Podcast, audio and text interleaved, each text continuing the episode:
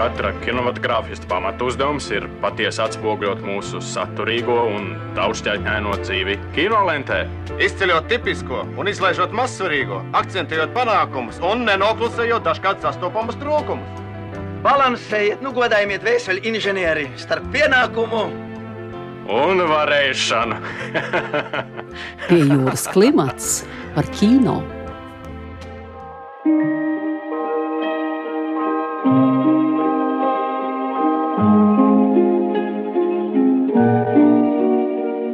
Esiet sveicināti pie jūras klimata klausītāji. Strauji tuvojas eh, ziemas brīvdienu sezona, un līdz ar to ģimenes kino vakaru repertuāra izvēļu izaicinājumi. Šogad vērā ņemams konkurence ierasto straumēšanas platformu piedāvājumam būs plašs restaurētas latviešu kino klasikas klāsts, kas nu pat kā pievienots portāla filmas LV katalogam. Nacionālā kinocentra, Latvijas Nacionālā arhīva, valsts kinofotofono dokumentu arhīva un studijas lokomotīva kopīgiem spēkiem atjaunoto filmu izlasi papildina kinozinātnieču Ingas Pērkonas un Zanas Balčus, kinovēsturnieces Kristīnas Matīsas, kā arī animācijas zinātājas Ievas vieses ievadvārdi. Filmas skatīties ir iespējams tiešsaistē, jebkurā laikā, bez maksas un visur pasaulē. Turklāt, bez angļu valodas subtitriem, teju visām filmām pieejamas arī citu valodu versijas. Lāčplēsis, purva bridējs, kad lietus un vējs itas logā, ābols upē, motociklu vasara, fotografija ar sievieti un meža koili šķērsiela un zaķīšu pirtiņa. Šīs un vēl virkne citu filmu, kas tapušas laikposmā no 1930 līdz 1991. gadam. Kādam sagādās patīkamu atkal redzēšanās prieku, bet kādam tā būs iespēja iziet īso kursu Latvijas kino.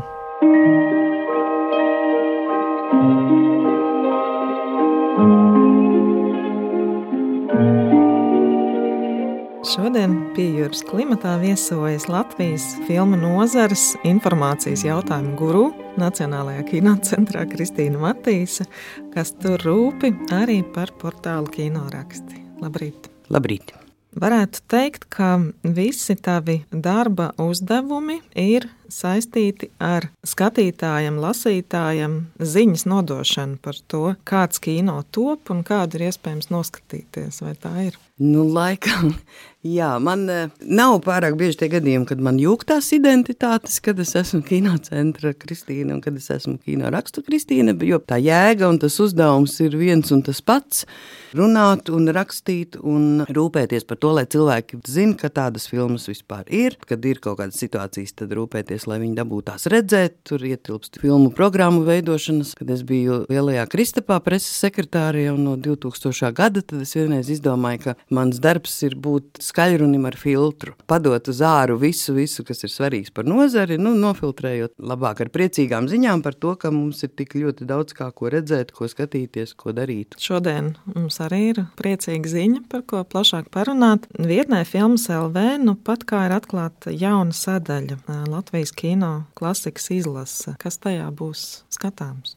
Portāls Filmas LV ir Nacionālā kino centra uzturēts un veidots portāls. Mēs esam atbildīgi par šī portāla saturu. Sākumā viņš vispār tika izveidots tikai kā datubāze, kā katalogs par visām Latvijā radītajām filmām. Tur ir elementārā kataloga informācija, ieskaitot visus padomu laiku kinožurnālus, ieskaitot 20. gadu filmas, kopā vairāk kā 2000 filmu vienību. Tur ir vienkārši kataloga veidā. Tāda pamazām parādījās iespēja veidot arī tur sadaļas, kurās filmas var noskatīties. Jo Tas sākās apmēram 2007. un 2008. gadā. Tajā laikā filmu nozarē bija ārkārtīgi sabiezējusi situācija, ka mums bija ārkārtīgi daudz filmu, kuras vienkārši nebija iespējams nekur redzēt. Jo pirmkārt, neviens nebija domājis tālāk par to, ka filmai var būt vēl kaut kāda dzīve pēc kinoteātra. Tolaik populārais formāts DVD izdošana nebija pārāk populārs finansiāli iemeslu dēļ, tāpēc, ka filmu nozarē jau ražošanai trūka naudas. Otrkārt, tiešām arī nebija ne tādas prakses, ne tradīciju. Latvijā vispār nebija attīstītas arī kino izrādīšanas vietas Tur pirmo vilni sacēla tikai Rīgas sargi, kas ir tikai 2007. gads. Tā kā pirms tam visu to laiku bija uz pirkstiem skaitāmie kinoteātri visā Latvijā. Un tad uh, portāls Filmas LV bija viena no tām vietām, kur varēja sākt risināt šo problēmu, bet sākumā ļoti ierobežotā teritorijā tikai bibliotekās. Un tad tur mēs palaidām tādu 20-30 filmu komplektu, kas bija atlasītas uh, iepriekšējo gadu lielā Kristapa balvu saņēmēji, ko bija tehniski iespējams ievietot portālā. Kādu laiku ar to arī pietika portālā liekot filmas, vienmēr bremze ir bijusi Latviju producenti. Daudzi sākumā teica, ka nedos savas filmas, jo mēs, protams, nevaram nevienam producentam voluntāri atņemt viņu filmu un ielikt portālā. Tas vienmēr notiek slēdzot līgumus, saskaņojot visādas vienošanās. Un tad ļoti daudziem pirmā reakcija bija, kā ielikt manu filmu internetā. Es nedošu. Viņam tāds sajūta, ka viņam izjūg viņa lielais bizness, kurš patiesībā nekādā veidā nenotiek. Un tad, kad jau pirmā biblioteka porcija uzrāva tādu vilni un bija liela sabiedrības sabiedrības interesi un bija baigā atsaucība no bibliotekāriem, ka beidzot tās filmas ir pieejamas. Mēs pat jau tur publicējām visādus bibliotekāru citātus, kur teica, ka es nemaz nezināju, ka latviešiem ir tik labas filmas. Un tad, protams, vairāki producenti, kas pirms tam nedēva savas filmas, atskrēja paši un iedeva savas filmas, tā tas pamazām attīstījās un veidojās tas priekšstats, ka nav nemaz tik slikti ielikt filmu filmā. Un, protams, ka Mēs ik pa laikam papildinājām to bibliotēku porciju, līdz tas savā ziņā sāka jau garlaikot. nu, gribējās kaut kādus jaunus soļus uz priekšu. Un tad pirmais solis bija ārpus bibliotēku tīkla. Jo, protams, ka tās filmas ir arī jāsargā, lai viņas neviens brutāli sakot nenokačātu. Tas sākumā arī tajā tiesību jautājumā it kā producentiem likās vieglāk pieņemt un saprast, ka filmas būs tikai bibliotekās uz vietas pieejamas, nevis jebkuram un jebkur. Un tā tad parādījās sadaļa filmas skatāms visā Latvijā. Šobrīd šajā sadaļā ir jau kādas 200 filmas, kuras arī tātad, no tās pirmās reizes tika pamazām papildinātas. Sākumā mēs viņus tādos tematiskos ciklos reklamējām. Nu, tur tomēr tas geoblokinga slieksnis stāv priekšā joprojām tikai visā Latvijā. Protams, diasporas latvieši par to ļoti uztraucas. Kāpēc tikai Latvijā? Pirmkārt, tā nav tehniska problēma. Tas patiešām ir tiesību jautājums, un man liekas, civilizētā sabiedrībā vajadzētu respektēt. Ir jāsaprot, ka ielikt filmu bez maksas internetā visā pasaulē, tas ir pēdējais, ko ar filmu var izdarīt. Jo principā viņai ir sava normālā dzīve, ka viņai ir jāizdzīvo visdažādākajās veidos, formātos un teritorijās tā pieejamība par naudu. Tas ir tikai normāli maksāt par filmu. Tas ir tāds pats produkts kā maize veikalā, kā mēdz teikt.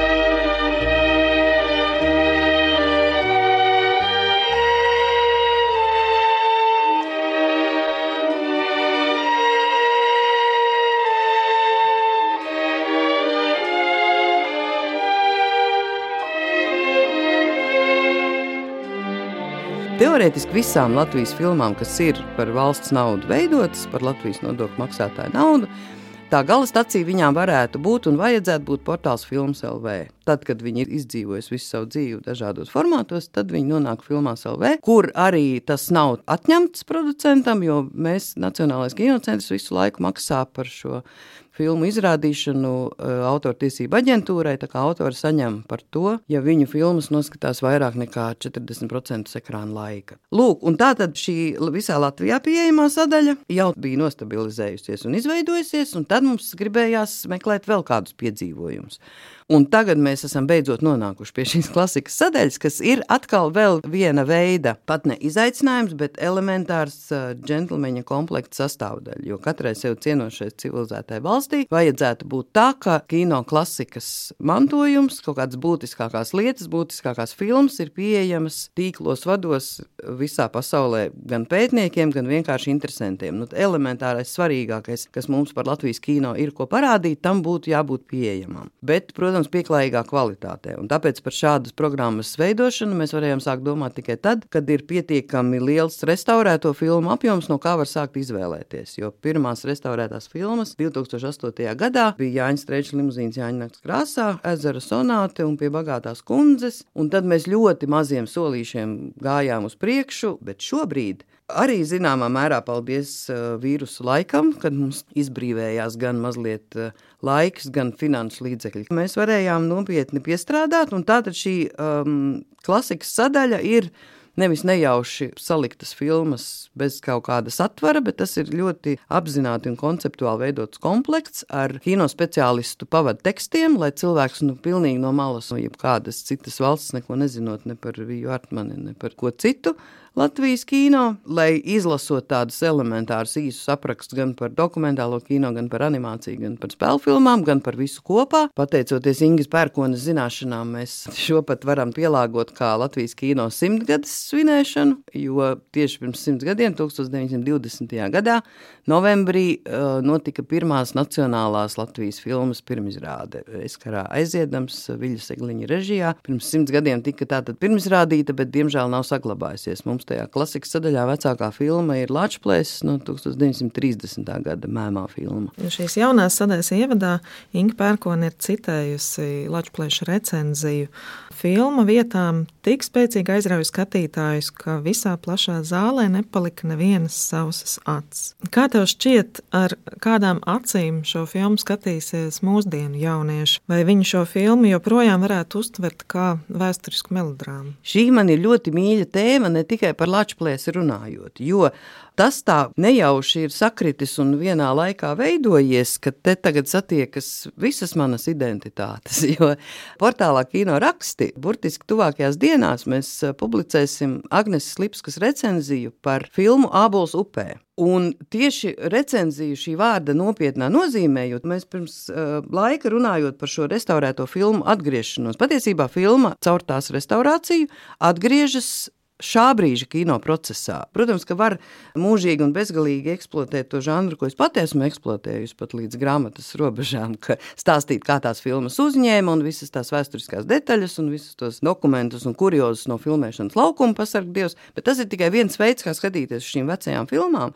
bet tad, kad viņas tiek restaurētas, viņas nonāk šodienā. Man likās ļoti interesanti, ka šīs filmas vajag recenzēt ar šodienas acīm un iespējami jaunam cilvēkam, kurš iespējami maz zina par leģendāro Rīgas kinostudiju, un tu vairs to nevajag zināt, ja šī filma šodien atgriežas šeit savā atjaunotajā kvalitātē.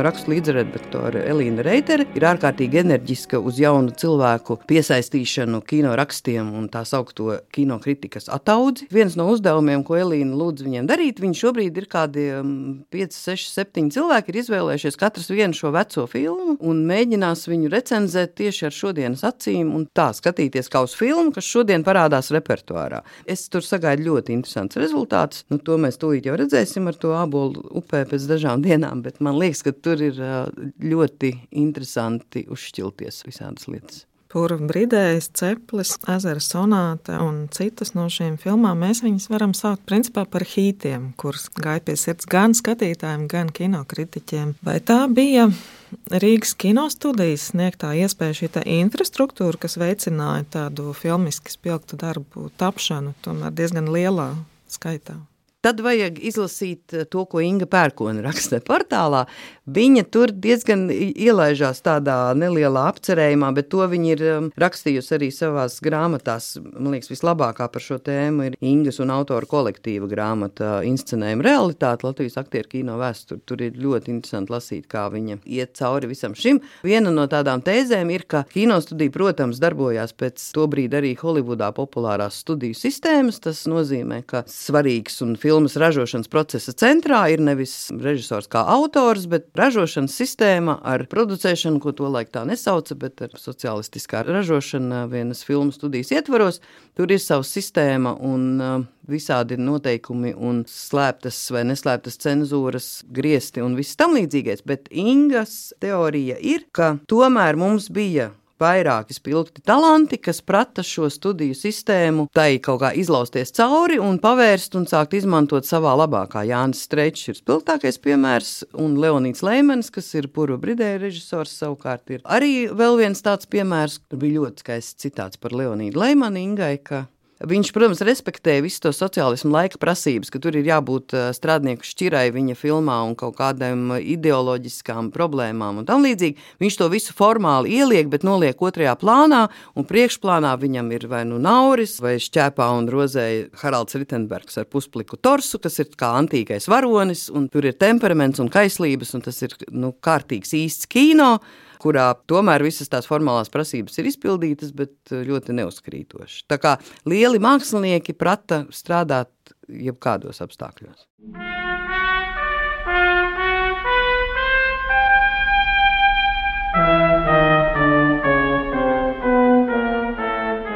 Šai filmu izlasēji ir pieejama anotācija un subtitru tulkojums angļu valodā. Skatītājiem ārpus Latvijas šī ir vēl nebijusi iespēja plašākā līdz šim latviešu kino izlase, kas ir skatāma ārvalstīs.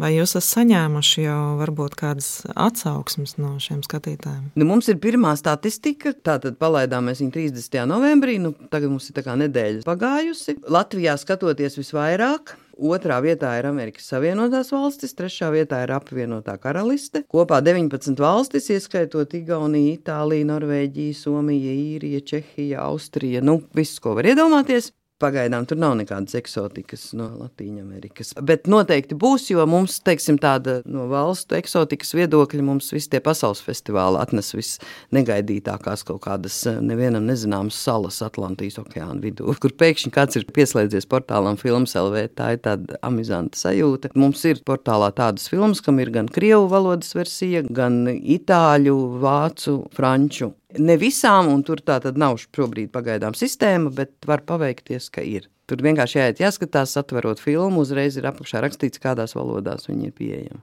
Man liekas, šī izlase ir svarīga ar to, ka viens ienācējs no malas, no citas valsts, redz, ka Latvijā viss ir tāpat kā pie cilvēkiem. Mums, var sakot, tas filmu komplekts un cilvēkam, kurš pārzina pasaules vēsturi, tas komplekts rāda, ka mēs esam tādā pašā veidā gājuši uz priekšu.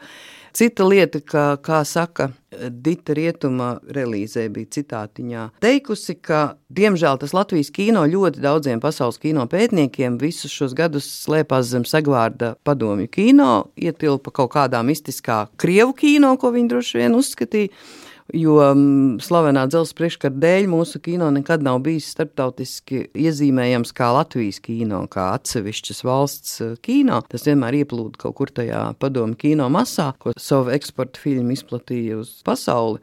Tāpēc šī ir tāda iespēja saprast pēkšņi, kas ir tas latviešu kino no tā visa, ko varbūt pētnieki jau ir sen redzējuši un pazinuši. 13 spēļu filmas, 3 dokumentālās un 3 animācijas filmas. Kā tika nonākts pie šādas proporcijas? Proporcija, diemžēl, ir tāda, tāpēc, ka man kā dokumentālā kino fanam tas nevisai patīk, bet tā ir pieņemts uzskatīt, ka vispār jebkuras valsts kino kultūru nosaka spēļu filmas. Un viņas, diemžēl, ir arī populārākas pie skatītājiem. Ja mēs tur ieliktu 13 dokumentālās filmas un 3 spēļu filmas, mūs varbūt nesaprastu. Kāds būtu teiksim, tavs personīgais filmu tops, kurus tu ieteiktu noskatīties tādam Latvijas kino klasikas neskartam skatītājam? No šīm esošajām, diemžēl, jāiesaka.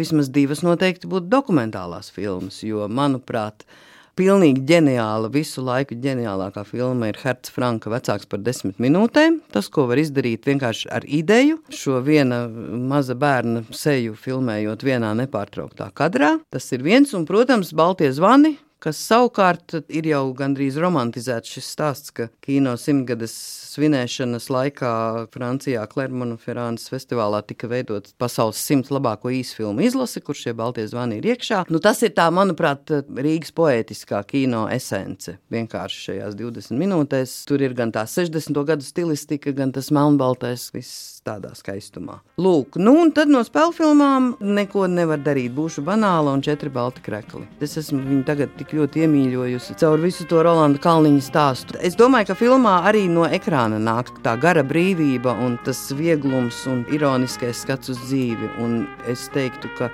Uldis Pūcīs tur ir pilnīgi ģeniāls piemēram tajā ainā, kad viņš ir nu, mazliet tā kā iešvilpis, un tur staigā pakaļ tai dinai kuplai pa to dzīvokli un pārš galvu zem krāna un visu to te un visu nepārtraukti vervelē visu to, bet ārkārtīgi brīvā veidā tāda sajūta, ka improvizē uz vietas, bet visu laiku argumentē.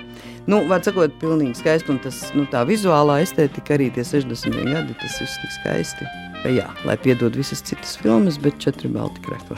Paldies par sarunu! Šodien raidījumā viesojās Kristīna Matīs.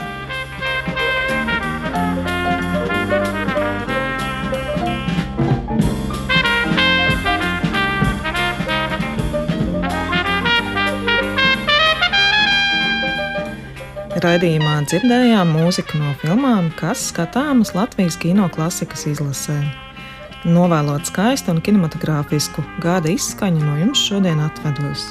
Pie jūras klimata vadīja Sonora Broka un Monteja Judīta Bērziņa. Radījums tapis ar valsts kultūra kapitāla fonda atbalstu.